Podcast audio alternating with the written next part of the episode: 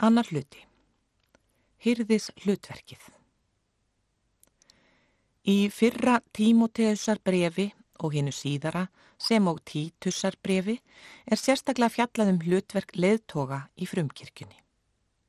Mikið vatn hefur runnið til sjávar síðan þá og reynsla kynnslóðana hefur mótað skipulag og starfkirkjunar allt til okkar daga.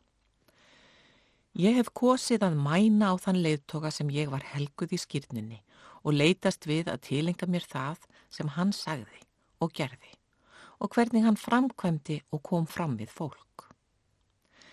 Biskups þjónustan er prests þjónusta. Talað er um að biskup sé prestur prestanna. Þannig lítur hann að styðja, hvetja, leiðbeina, sálgæta og uppörfa sinnsöfnuð sem er prestarnir og annað starfsfólk kirkjunar. Það er gert í Visitasíum þegar biskup heimsækir söfnuði landsins og í samtölum við fólkið í kirkjunni og þjóna hennar. Hlutverk biskupsins í lögum og reglum og samkvæmt hefðum. Biskup sinnir mörgum verkefnum. Í tíundu grein nýra þjóðkirkjulaga, nr. 77, árið 2021, segir Biskup Íslands fer með yfirstjórn þjóðkirkjunar eftir því sem kirkjuþing mælir nánar fyrir um. Biskup Íslands gætir einingar kirkjunar og hefur tilsjón með kristnihaldi, kenningu kirkjunar og þjónustu. Í samþygtum um innri málefni þjóðkirkjunar er grein um tilsjónina. Um framkvæmt tilsjónarinnar segir þar. Tilsjón er ráðgjöf stuðningur, uppörfun og hjálp sérstaklega hvað varðar hjáttningu, kenningu kirkjunar, guðst þjónustu og sakramenti og aðrar kirkjulegar aðtapnir. Svo og um mál sem skipað er með lögum og starfsreglum og með stefnumótun kirkjunar. Tilsjón er eftirlit með því hvernig vigðir þjónar, prestar og djáknar rækja ennbætti sín og sinna þjónustu orðs og sakramenta samkvæmt viksluheiti sínu. Í tilsjón felast úrskurðir um hæfi til að gegna ennbætti í þjóðkirkjunni. Tilsjón er eftirlit með því hvernig söpnuðir starfsmenn og stopnarir þjóðkirkjunar sinna skildum sínum í ljósi trúar, hjáttningakirkjunar, laga og regluna. Engar starfsreglur gilda um biskupsembættið. Biskup hefur til 1. janúar 2020 skipað presta en frá þeim tíma ræður hann presta til starfa þar sem þeir eru ekki lengur embættismenn heldur starfsmenn þjóðkirkjunar. Þegar prestar eru ráðnir í prestaköll er það heimafólk sem kýs og biskup ræður þann frambjóðunda sem valnemd prestakalsins hefur komið sér saman um. Á starfslista biskupsins eru auk þess fjölmarkir málaflokkar sem sinna þarf og fjölmörg viðtöl á biskup við fólk innan sem utan kirkju. Biskup veitir biskupstofu daglegt fyrirsvar og fundar reglulega með stjórnendum og starfsfólki. Á biskupstofu er fyllt eftir reglum er kirkjuþing setur, samþygtum kirkjuþings og markaðri stefnu þess og prestastefnu. Og ber biskup ábyrð á því að þessi störf séu unnin. Biskup hefur einnig ákvörðunar vald um einstök mál og nýtur ráðgjafar sérfræðinga innan og utan biskupstofu áður en ákvörðun er tekin.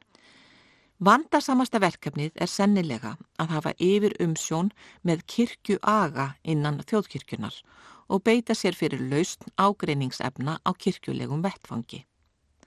Þar þarf að taka óvinnsælar ákvarðanir sem ekki eru teknar án yfirlegu og skoðunar og bænar.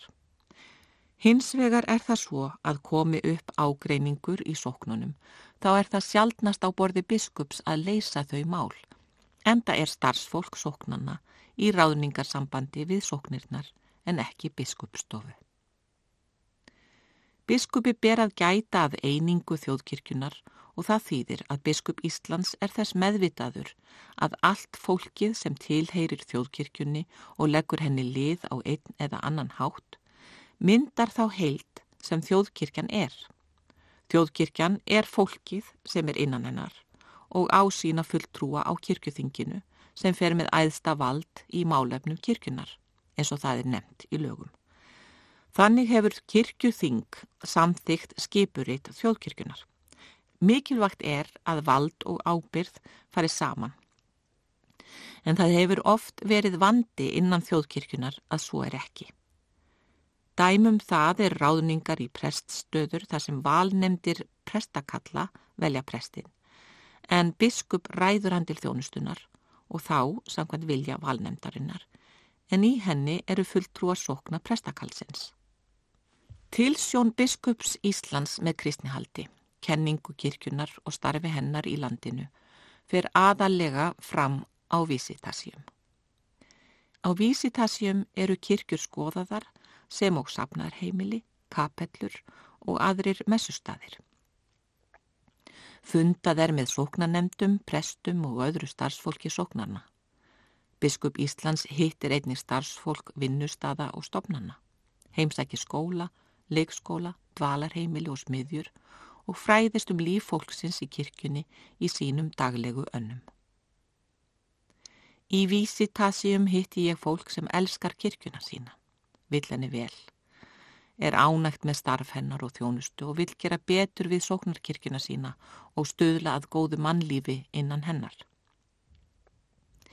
Það er heiminn og haf á milli þeirrar kirkju og kirkjunar sem byrtist á stundum í fréttamiðlum landsins. Þar er vart getið um hitt góða starf sem framfer ringin í kringum landið og þjónustuna sem veitt er af fagþekkingu, kærleika og virðingu Kirkjunni í nær samfélaginu treystir fólkið samkvæmt reynslu minni og samkvæmt könnunum þó að trösti til trúfélagsins þjóðkirkjunar sé ekki alltaf mikið í könnunum. Eins og í mannlegu samfélagi almennt þá koma upp ímis erfið mál í kirkjunni sem taka þarf á og út á við sínist það ekki alltaf svo að svo afgriðsla sé til þess fallin að skapa einingu. Einingin snýr fyrst og fremst að því að fólk geti komist til trúar á Krist og lifi í trú í samfélagi trúsískina sinna. Biskup bóðar til prestastefnu árlega. Verði því við komið en á prestastefnu eru tekin fyrir kenningarleg málefni sem og aðkoma kirkunar af málum líðandi stundar. Í minni biskupstíð er presta og djáknastefnan römmuð inn af biblíulestrum og helgihaldi og leytast við að prestar og djáknar landsins njóti uppörfunar og efnis sem nýtist þegar heim er komið.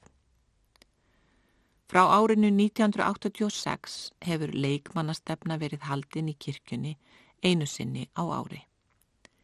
Hana sækja fulltrúar sóknana í landinu og er leitast við að uppörfa þáttakendur og fræða þannig að þeir eflist í þjónustu sinni í prófaststæmi sínu. Biskup fundar með prófastum tvísvar á ári og formlegir fundi biskups Íslands með víkslubiskupum eru nokkrum sinnum á ári. Í rúm 40 ár frá árinu 1958 þegar kirkjöþing kom fyrst saman var biskup Íslands fórseti þingsins. Þetta breyttist með nýjum þjóðkirkjulögum sem samþygt voru árið 1997 og hafa biskupar nú málfrelsi og tillögurétt á þinginu. Kirkja biskups Íslands er dómkirkjan í Reykjavík. Þar fara prests og djáknavíkslur fram. Þaðan eru kandidatarnir sendir út á akurinn til þjónustu við það fólk sem þau hafa verið kölluð til að þjóna. Auk þessara vikslu aðtapna pretikar biskup í domkirkjunni nokkrum sinnum á ári. Oftar en ekki í beinum útsendingum í hljóðvarpi og jafnvel sjónvarpi allra landsmanna. Þess utan pretikar biskup í öðrum kirkjum þegar tilefnir til og výir nýjar kirkjur og safnarheimili blessar hjúgrunarheimili og fleiri staði. Biskup tekur þátt í biskupsvíkslum í lúterskum nágrannakirkjum og fundar með höfuðbiskupum Norðurlandana einu sinn á ári og fjórðakvert ár með biskupum í lúterskum kirkjum á Norðurlöndunum, Eistrasalsríkjunum og á Breitlandsegjum og Írlandi. en það er samstarfsverkefni sem byggist á samningi sem undirritaður var árið 1992 og kent við borgina Porvo í Finnlandi þar sem fulltrúarnir neittu saman hinnar heilugu kvöldmáltíðar sunnudaginn fyrir undurritinununa. Í formála samkómulagsins segir Á undanförnum árum hafa orðið örlagaríkar breytingar í Norður Evrópu. Ný tengsl hafa myndast í viðskiptum, mentun, ferðarþjónustu og umhverfismálum millir Norðurlanda, Eistrasaltslanda og Breitlandsegja. Á þessu umbreytingaskeiði þjóna anglíkanskar kirkjur og lúterskar kirkjur mikilvægu hlutverki. Þessi skýrsla lýsir hvernig tólf slíkar kirkjur sem 50 miljónir kristina manna tilheyra eru að treysta böndin sín á milli jafnframt því sem þær taka höndum saman um ímis hagnít verkefni er lútað þeirri þjónustu sem þær veita. Það er fagnaðrefni að hefðir anglikanskra og lúterskra kirkna í vestrætni kristni sem eiga svo margar sameilar rætur og enkenni skuli enn á ný á þessari öld hafa komið auga hvora aðra og tengst nýjum böndum. Með því að rína í söguna frá síðustu öld er ljóst að fljótlega eftir aldamóti 1900 fóru menn að gera sér grein fyrir að samvinna og samhugur í verki væri vænleg leið til árangurs í starfi kirkunar sem og annar staðar í þjóðfélaginu. Upphaf samtalsins sem leiti til porfu samþyktarinnar má rekja til ársins 1909 eins og lesa má í porfu yfirlýsingunni sem fyrir vísa til. Starfsmannastefna þjóðkirkjunar er sérstök umfram önnur félug og eða stopnanir vegna þess að þjóðkirkjan er bundin tvennskonar skilningi. Hinnum ytri sem er skilningur laga og reglna og hinnum innri sem eru trúarlegar forsendur hennar. Stór hluti starfsfólks kirkjunar um landið allt er í ólaunuðu starfi, sjálfbóðinni þjónustu og skipta þau þúsundum. Þar á meðal er sóknarnemdar fólk, söngfólk í kirkjukórunum, meðhjálparar, ringjarar, aðstóðarfólk í barna og æskulíðstarfi og öðru safnaðarstarfi, félagar í safnaðarfélugum og kvennfélugum. Einnig starfa á vegum þjóðkirkjunar sjálfbóðaliðar og launastarfsfólk í nefndum og ráðum. Það segir sér sjálft að engin ein manneskja getur sint henni fjölþættu biskupsþjónustu nema verið í góðu samstarfi við fólkið í kirkjunni. Nánasta samstarfsfólkið er á biskupsstofu en prófastar eru framlengtur armur biskups. Það er stundum orðað þannig að prófastar séu augu og eiru biskupsins í heimaheraði. Tengsl og tröst eru því likil orð mín í þjónustunni. Leiðtogi Í fyrra brefi Páls til Tímoteusar segir Sækist einhver eftir biskupsstarfi þá gyrnist hann göfugt hlutverk. Vissulega er hlutverkið göfugt En ég sóttist ekki eftir þessu hlutverki. Heldur var leitt til þeirrar stundar að gefa kost á mér til að sinna því. Það var í fyrstu fráleit hugmynd en ákvörðunin var ekki erfið. Ég var og er enn sannfærð um að ég hafi verið kölluð til þessa hlutverks og verkefnis að leiða þjóðkirkuna á Íslandi. Vera hyrðir hyrðanna eins og biskupsstarfið er stundum nefnt og það er göfugt hlutverk. Leðtogi er sá eða svo sem setur stefnuna og fær fólk til að ganga í sömu átt og hvetur fólk til dáða. Biskup ber ábyrð á því að þau sem sinna störfunum á biskupstofu geri það af samviskusemi og í samræmi við settar reglur. Biskup sem leðtogi hefur ekki öll völd í kirkjunni, heldur er það kirkjuþingið. Biskup getur haft áhrif á störfþingsins, enda nýtur hann málfrelsis og hefur tillögur rétt á kirkjuþinginu, en ekki atkvæðisrétt. Sem talsmaður þjóðkirkjunar út á við leitast biskup við að feta í fótspor þess sem sagðist hafa allt vald á himni og á jörðu. Hann hefur ekki valdið, heldur Guð. Sáur öllu ræður þegar upp er staðið. Biskup hefur vissulega áhrifavald og á að nota það þegar hann telur það vera fólkinu í kirkunni til heilla. Og valdi kærleikans getur hann beitt. Ég hef kosið að hugsa ekki um vald heldur verkefni þann tíma sem ég sit á biskupstóli en geri mér vissulega grein fyrir því að oft þarf biskup að taka óvinnsælar ákvarðanir sem sömur tólka sem valdbeitingu. Í nútímanum er mikið hort til sterks leiðtoga á sama tíma og kallar eftir gegnsægi, dreifræði og líðræði. Leðtógin í kirkjunni er Jésús Kristur. Við skulum horfa til hans og læra af honum hvernig hann kom fram við fólk og leiti það til betra lífs. Traust er fórsenda þess að fólki geti liðið vel. Nú um stundir skortir mjög á traust í samfélagi okkar og líka í kirkjunni. Traust er fórsenda þess að fólki líði vel í lífi og starfi og njóti þess sem það er að gera. Starf pressins er þjónustustarf. Presturinn er sér þess meðveitandi að hann hefur ekki þekkingu á öllum hlutum eða hæfileika á öllum sviðum, en hann er þess fullvis að hann stendur ekki einn í þjónustunni. Hann er borin uppi af honum er allt vald hefur á himni og á jörðu.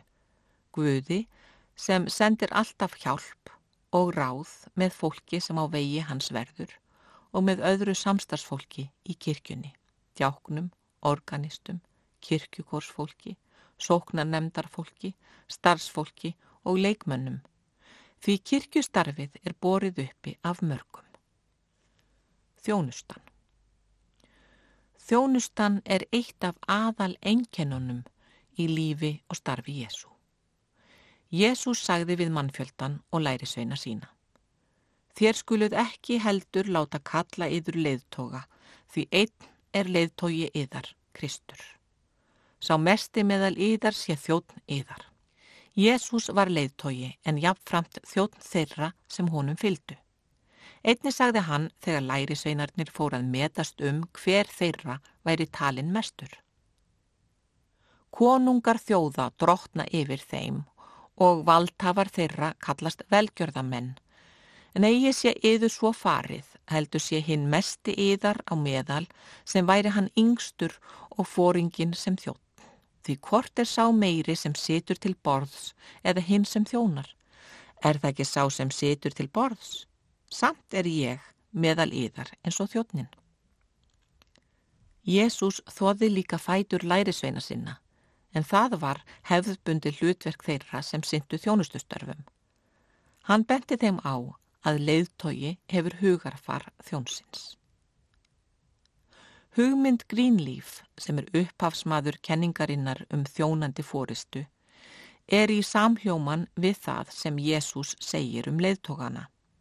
Greenleaf bendir á að góðir og árangursríkir leiðtogar eru fyrst og fremst þjónar og að sönn fórista felur í sér laungunina til að þjóna öðrum. Biskupsstofa Mart hefur verið rætt og ritað um stöðu biskups Íslands innan stjórnkerfis kirkunar. Rík krafa er um að biskup sé hæfur leiðtogi, góður hyrðir og góður pretikari. Nokkur umræða hefur farið fram innan þjóðkirkunar um hlutverk biskups innan stjórnkerfis hennar. Menn tala um veraldlegt hlutverk og andlegt hlutverk. Að mínu mati er aldrei hægt að aðgreina hlutverk kirkunar þannig að þau skarist ekki að einhverju leiti. Leðtógi þarf að hafa áhrifavald og alla yfir sín. Það má ekki skipa málum þannig að sá möguleiki sé ekki fyrir hendi. Biskup á að tryggja prest þjónustum landið allt og það getur hann ekki gert án þess að hafa fjármagn. Biskup á að vera eins og húsmóðir eða húsfadir á heimili Slíkur aðili getur ekki rekið heimili sitt án þess að eiga fyrir nöðþurftum í formi matar, mentunarbarnana, tómstunda, viðhaldshúsnæðis og alls þess sem eitt heimili þarf til að heimilisfólki líði vel, njóti upp örfunar til góðra verka og fái þá andlegu og líkamlegu næringu sem hverjum einstaklingi er nöðsynleg til að líða vel og njóta hamingu. Einnig ber að líti til þess að allt sem samþygt er af æðstu valdastofnun kirkjunar, eins og kirkjuþing er nefnt, þarf að koma í framkvæmt og það hefur kirkjuráð með biskup í forsæti haft með höndum, með það var og hétt, með aðstóða starfsfólks biskupstofu. Nú starfar kirkjuráð ekki lengur og því erfiðara fyrir biskup að hafa alla yfir sín. Fjármál og fastegnamál koma enn oft á borð biskups þar sem biskup ræður presta og annars starfsfólk og eru laun langmestu hluti þess fjármagns sem þjóðkirkjan hefur til umráða. Margir prestar búa einnig í prestsbústöðum víða um land. Nauðsynlegt er að á biskupstofu sé dagleg stjórn fagleg og kærleiksrík þannig að starfsfólk finni að störð þeirra séu metin að verleikum og verkaskipting sé skýr sem og skipulag gott. Hið sama á við um allt starf þjóðkirkjunar um landið allt, sem og þjónustennar. Til að núverandi skipting í biskupstofu og rekstrastofu gangi upp, þarf að vera náið og gott samstarf á milli í dagsins önn. Á biskupstofu eru unnin ímis verkefni sem styðja við starfsemi kirkjunar í hennum dreifðu byggðum landsins. Eitt af þeim er samning fræðslefnis. Fræðslumál Lúter lagði áherslu á almenna þekkingu á boðskap biblíunar og það verður að segjast að okkar lúterska kirkja, þjóðkirkjan, hefur ekki lagt nóa áherslu á þennan þátt.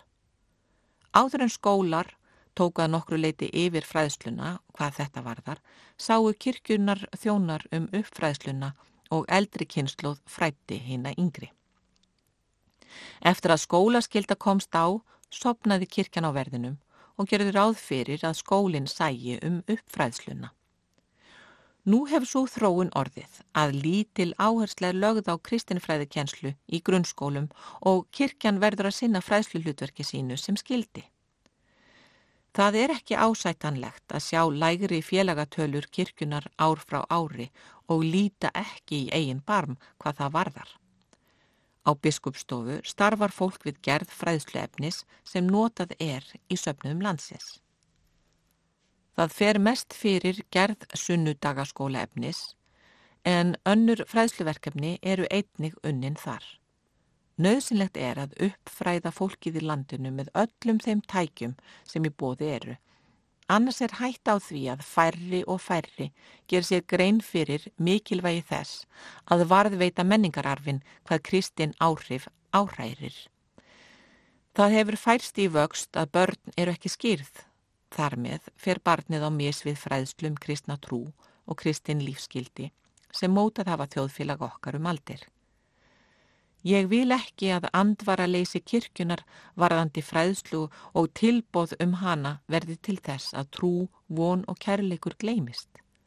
En á þessu atriði kristinar trúar lagði Lúter áherslu. Skipulag þjóðkirkjunar Ný þjóðkirkjulög tóku gildið 1. júli 2021. Lögin eru rammalöggjöf sem hveða meðal annars á um réttarstöðu þjóðkirkjunar og þjónustu hennar við landsmenn. Með því er ríkisvaldið að tjá skilningsinn á sambandi ríkis og kirkju sem og á sjálfstæði þjóðkirkjunar. Krafa ríkisins kemur einnig fram sem er að þjóðkirkjan sinni þjónustu við alla landsmenn. Í kjölfar þessarar lagasetningar setti kirkjuþing nýjar starfsreglur og eða breytti þeim starfsreglum sem fyrir voru en það byggja reglurnar á þjóðkirkju lögunum. Málefni kirkjunar snúast um verkefni sem vinna þarf í skýru umbóði en ekki um vald.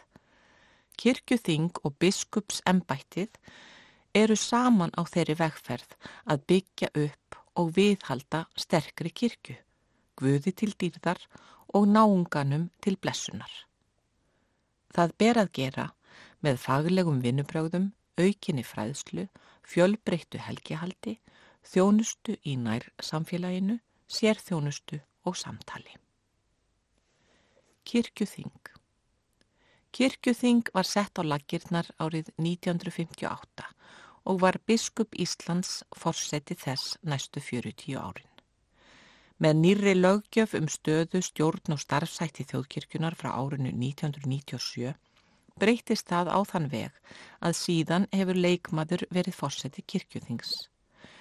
Á þinginu setja 17 fulltrúar leikmanna sem kjörnir eru af söfnuðum landsins til setu á þinginu og 12 výgðir þjónar, prestar og djáknar sem výgðir þjónar kjósa.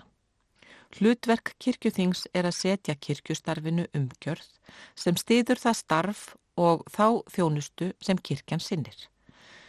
Kirkjuþing hefur sem sé það hlutverk að tryggja starfsskilirðin. Það er gert með því að huga að ytra skipulagi, tryggja lögjöf um kirkjuna og leggja til atriði sem bæta innra starf hennar. Það er að sönnu vandarsamt verkefni að við hafa virt skipulag í fyrirbæri sem er kvorki stopnun nýja fyrirtæki. Þjóðkirkjan er trúfélag og erfitt getur reynst á stundum að lúta hefðbundnu regluverki fyrirtækja og stopnana. Það fylgir því líka viss fandi að vera fámenn þjóð í stóru landi. Niður staða hvers máls sem fyrir kirkjuþingi liggur þarf að vera þaul hugsuð, grand skoðuð og þjónandi því hlutverki sem kirkjan hefur, sem er að koma þeim góða bóðskap sem fagnar erindið inniber til skila. Kristur er kjarni kirkjunar sem allt snýst um. Skipan þjónustunar Skipulagsmál eru sístætt verkefni. Eitt af þeim málum sem ég hef beitt mér fyrir í þjóðkirkjunni er að koma með tillögur á kirkjuþingi um saminningu prestakalla. Mér finnst nöðsynlegt að leiða saman fólk með ólíka reynslu og hæfileika. Prestaköllin eru mísjöfna stærð og aðstæður eru ólíkar, til dæmis á milli þjættbílis og dreifbílis. Auðveldara ætti að vera fyrir výgða þjónasafnaðana að skipta með sér verkum en draga vagnin alltaf einn.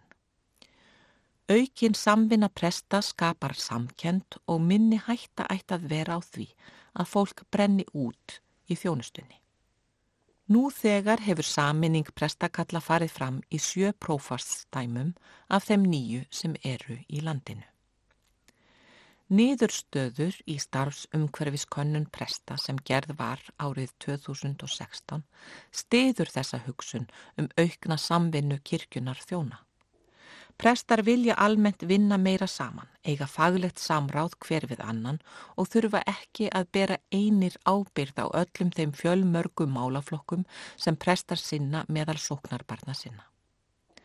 Fagleg vinnubröð munu aukast þegar prestahópurinn samanstendur af prestum sem hafa jafnvel sérmentun á ýmsum sviðum prestsþjónustunar. Hæfileikar hvers og eins njóta sín betur og nýtast fleiri sóknarbörnum. Þau sem reynt hafa geta vitnað um það. Öðvitað eru ímis atriði sem þarf að huga að þegar breytingar eiga sér stað. Mörg þeirra eru hagnýtt atriði sem varða til dæmis skýrsluskil og forsvar gagvart sóknarnemdum og út á við. Þessar tillögur eiga aðeins við um saminningu prestakalla en ekki sókna. Biskupafundur leggur fram hugmyndir að saminningum prestakalla sem fara til umsagnar heima í héradi og síðan á kirkjuþing. Annað gildur um saminningu sókna. Þar eiga heimamenn frumkvæðið og biskupafundur og kirkjuþing samþykja þeirra vilja. Teimisvinna er algeng nú til dags ekki aðeins á milli fólks í sömu stjætt, heldur einnig þverfagileg teimisvinna. Kostir stærri prestakalla eru betri og fjölbreytilegri þjónusta fyrir sóknarbörn sem fá aðgang að fleiri prestum. Meiri sérhæfing prestþjónustunar getur orðið þegar tveir eða fleiri prestar vinna saman sem hafa mismunandi bakgrunn í mentun og hæfni. Einnig verður starfsungverfi prestana betra með jöfnun þjónustubyrði og ef vel er á spilum haldið verður betri nýting fjármuna og annara auðlinda. Farið hratt yfir sögu saminningar. Saminning prestakalla í þjóðkirkjunni er ekki ný af nálinni og hægt er að finna heimildir frá byrjun 20. aldarinnar um hugmyndir að saminningu. Fjöldi prestakalla á Íslandi er nú 70 en 1846 voru þau 181 talsins. Prestaköllum hefur því fækkað um 61% en þó hefur prestum ekki fækkað eins mikið eða um 23%. En stöðugildin eru tæplega 140 nú. Í ársbyrjun 1846 var mannfjöldin hér á landi 58.667 manns þannig að það voru að meðaltali 324 íbúar í hverju prestakalli. Samgöngur voru töluvert erfiðari á þeim tíma og ekki var auðvelt að hafa samband við fólk. Eftir því sem samgöngur urðu greiðari og fjarskiptu öflugri, fækkaði prestaköllunum. Árið 1904 er fjallaðum saminningu prestakalla í 41. tölublaði Þjóðóls og fleiri blöð og greinar má finna um sama efni frá þessum tíma. Þá var umræða út frá fjölda kirkna á hvern prest en ekki fjölda íbúa eða sóknarbarna.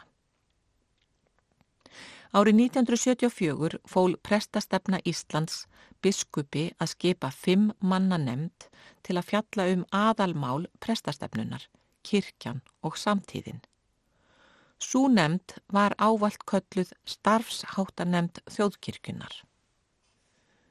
Þremur árum síðar gaf nefndin út álitskerð þar sem fram kemur að markmiðið sé að gera prófaststæmin að sjálfstæðum einingum þar sem prestar verði ekki ráðnir til prestakalla heldur til prófaststæmis eins og fyrirkomulagið er í Noregi þá yrðu sóknir og prófaststæmi en prestaköll myndu heyra sögunni til og hver prestu prófaststæmisins myndi þá þjóna ákveðnum sóknum. Þannig myndi betur nýtast sérmendum þeirra og hæfni og betur verða hægt að mæta þörfum í kirkulegri þjónustu. Á kirkjuþingi 2003 var samþygt að breyta starfsreglum um skipan sókna, prestakalla og prófaststæma þar sem bættari samgöngur væru og fólksfjölgun mikil á höfuborgarsvæðinu. Þjóðkirkjan vildi að þjónusta við fólkið yrðu jöfn yfir landið. Með stækkun prestakallana var markmiðið að ebla bóðun fagnari rindisins í orði og verki. Með stækkun prestakalla myndu flest einmennings prestaköll heyra sögunni til. Samstarf presta myndi eblast og möguleikar sóknarbarna og bættari og sérhæfðari þjónustu í hverju prestakalli myndu aukast. Næst fjallaði kirkjuþing 2010 um málið og samþykti megin áherslur sem fram voru settar í skýrslu, nefndar, um heildarskipan þjónustu kirkjunar.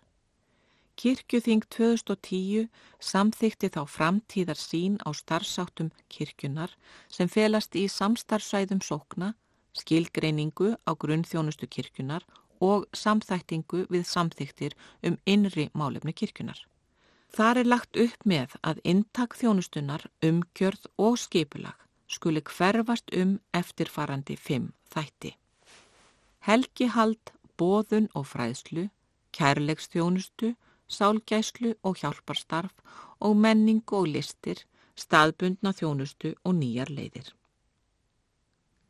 Fleiri atriði skildi jáfnframt taka til skoðunar við skipun prestakalla og ákförðun um þjónustubyrði, svo sem fjöldasókna innan prestakalls, hvernig samgöngum er háttað og færið á vegum, sérstaða helgistada og annað. Af þessari samantækt sérst að saminning prestakalla og breytingar á skipulagi þjóðkirkjunar eru ekki nýjar af nálinni, Bættar samgöngur og aukin fjarskipti gera það mun auðveldara að samina prestaköllin. Jarðgöng og malbyggaðir vegir hafa víða komið í stað snjóðhungra heiða og malarvega þó að enn sé langt í að örugar leiðir séu á öllum stöðum á milli landsluta. Val á prestum Eitt af eilífðarmálunum á kirkjuþingi er að búa til starfsreglur um hvernig ráðningu í preststöður skuli hátað. Að skilningi evangelísk lúterskara kirkju er intak prests embættisins að predika fagnarerindið og veita sakramentin. Presturinn er sendur af kirkjunni til þess sapnaðar sem hefur kallaðan til að sinna þessu verkefni, að predika og veita sakramentin. Kirkjan sem sendir prestinn hefur þá eitthvað um það að segja hver það er sem sendur er, en söpnuðurinn kallar prestinn til starfa hjá sér. Hér eins og víða annar staðar í regluverki kirkunar ríkir spenna. Eins og framkemur í sjöndu grein áksborgar hjáttningarinnar er ekki nöðsynlegt að alls staðar séu sömu mannasetningar í lúterskum kirkjum heims.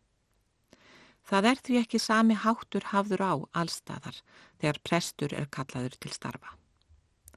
Prestur er ekki í ráðningarsambandi við söpnuðin eða sóknina sem kallar hann til starfa. Hann er í ráðningarsambandi við þjóðkirkjuna sem sendir hann út á akkurinn. Það er því nokkuð ljóst að hagaðilar í þessu máli eru bæði sóknanemdin og biskupin. Fulltrúar sóknanemdana og fulltrúar hinnar vígðu þjónustu í kirkjunni sitja á kirkjuþinginu sem ákveður reglurnar umferðlið frá því þörfin fyrir prest myndast í prestakallinu og þar til hann er ráðinn af biskupi. Sjónarmiðin sem takast á eru nokkur. Háskólamentaðir guðfræðingar vilja að sjálfsögðu að teki sér tillit til mentunar þeirra og reynslu. Söpnuðurinn veldir fyrir sér hver kandidatana er líklegastur til að þjóna söpniðinum miðað við þarfir hans. Einni kemur þarna inn í ómælanlegir þættir eins og fas, framkoma og fleira í þá veru. Þegar sér þjónustu prestur er valinn eru fulltrúar hagaðila kallaðir að borðinu. Kirkjuráð Þó að búið sé að leggja kirkjuráð nýður vil ég geta tilurðar þess og starfa. Í byrjun síðustu aldar var mikil umræða um samband ríkis og kirkju trúfrelsi sem nýleg stjórnarskrá bóðaði og stöðu þjóðkirkjunar í samfélaginu. Sú umræða er því ekki nýjaf nálinni. Margir vildu koma á fót sérstöku þingi fyrir kirkjuna, kirkjuþingi, en einn ángi þessarar umræðu leiti til þeirrar niðurstöðu að sett var á fót kirkjuráð. Fyrsti reglulegi fundur ráðsins var haldinn í oktober árið 1932. Forseti ráðsins var frá upphafi biskup Íslands. Í fyrstu kususóknar prestar og kennarar Guðfræðideildar Háskóla Íslands tvo fulltrúa viðra í ráðið en hér aðsfundir prófaststæmana tvo fulltrúa leikmanna. Allt þar til ráðið var lagt niður þann 1. janúar 2022 var það skipað fjórum fulltrúum, auk biskups sem var sjálf kjörinn. Fulltrúarnir fjórir, tveir vigðrir, mm, fulltrúarnir fjórir, tveir vigðir og tveir leikmenn voru kostnir á fyrsta kirkjuþingi eftir að nýtt kirkjuþing kom saman eftir kirkjuþingskostningar sem framfara á fjögura ára fresti. Um kirkjuráð gildu sérstakar starfsreglur sem tiltóku hlutverk og verkefni ráðsins. Kirkjuráð fór með framkvæmdavald þeirra mála en kirkjuþing samþykti og hafði forræði um framkvæmdir og starfrækslu skálholtsstaðar. Mikið var rætt um stöðu biskups Íslands í kirkjuráði. Þeirri skoðun var haldið á lofti að biskup Íslands ætti ekki setu í ráðinu og ætti alls ekki að vera í forsvari þar. Ég tók ekki undir það sjónarmið, eins og fram hefur komið hér að framann því að ef biskupin er ekki í formlegu og beinu sambandi við kjörna fulltúa kirkunar er erfitt að leiða þá kirkju sem aðrir ákveða hvernig skuli fram ganga. Breytt skipan 1. júli 2021 Í áraraðir vann kirkjuþing að nýju frumvarfi þjóðkirkjulaga. Dómsmálar á þeirra lagði frumvarfið fram á vorþingi alþingis 2021. Í mínum huga er ljóst að vinna við slíkt frumvarp verður að byggjast á grunnvinnu sem fælst í því að gæta hins lúterska trúararfs, efna til samtals meðal þjóðkirkjufólks um kirkjuna og koma sér saman um framtíðar sín. Slík vinna getur tekið mörg ár, eins og nú þegar hefur sínt sig, en minna má á að þau fimm leiðarstef sem Frans Páfi og Múnib Júnan undirrituðu fyrir hönd rómversk kathólsku kirkjunar og lúterska heimssambandsins í Dómkirkjunni í Lundi í Svíþjóð árið 2016 voru afrakstur 50 ára samtals millir þessara tvekja kirkjudelda. Megin stefið er að kirkjudeldirnar eiga alltaf að hafa einingu að leiðarljósi en ekki einblýna á það sem skilur að. Tekstinn er ekki langur, aðeins fimm setningar. Hér er þetta nefnt til að minna á að samtalið er besta leiðin til að auka skilning og greina samílugu atriðin frá því sem greinir í sundur. Heið sama hefði ég vilja sjá í samtali kirkjuþings og altingis um ný þjóðkirkjulög, þar sem kirkjan og þjóðin ganga í takt. Frumvarpið tók á sig ímsar myndir í þann áratug eða svo sem það var til umfjöllunar á kirkjuþingi. Frumvarpið að lögum. Þau lög sem nú gilda um þjóðkirkjuna færa kirkjuþingi aukin verkefni og aukna ábyrð. Ég tel að gefa verði almennu þjóðkirkjufólki meiri möguleika á að kjósa fulltrúa á kirkjuþing. Skref í þessa átt var tekið með nýjum starfsreglum sem samþygtar voru á kirkjuþingi 2021 en kostningar til kirkjuþings fara fram á fjögur ára fresti. Hinga til hafa sóknanemdir haft kostningaréttin en nú skulu sóknanemdir í stærstu kjördæmanum velja 15 fulltrúa til viðbótar öðrum kjörfulltrúum sem meg á kjósa. Þetta er hænu skref í átt að auknu líðræði innan þjóðkirkjunar og vonandi verður þess ekki langt að býða að allir þjóðkirkjumeðlimir, átján ára og eldri, fái rétt til að kjósa til kirkjuþings. Skortur hefur verið á því að ábyrð og völd fari saman í þjóðkirkjunni. Kirkjuþing setur reglur sem biskup fyrir eftir en sömar þeirra virka illa í raunveruleikanum og stangast jáfnvel á við landslög.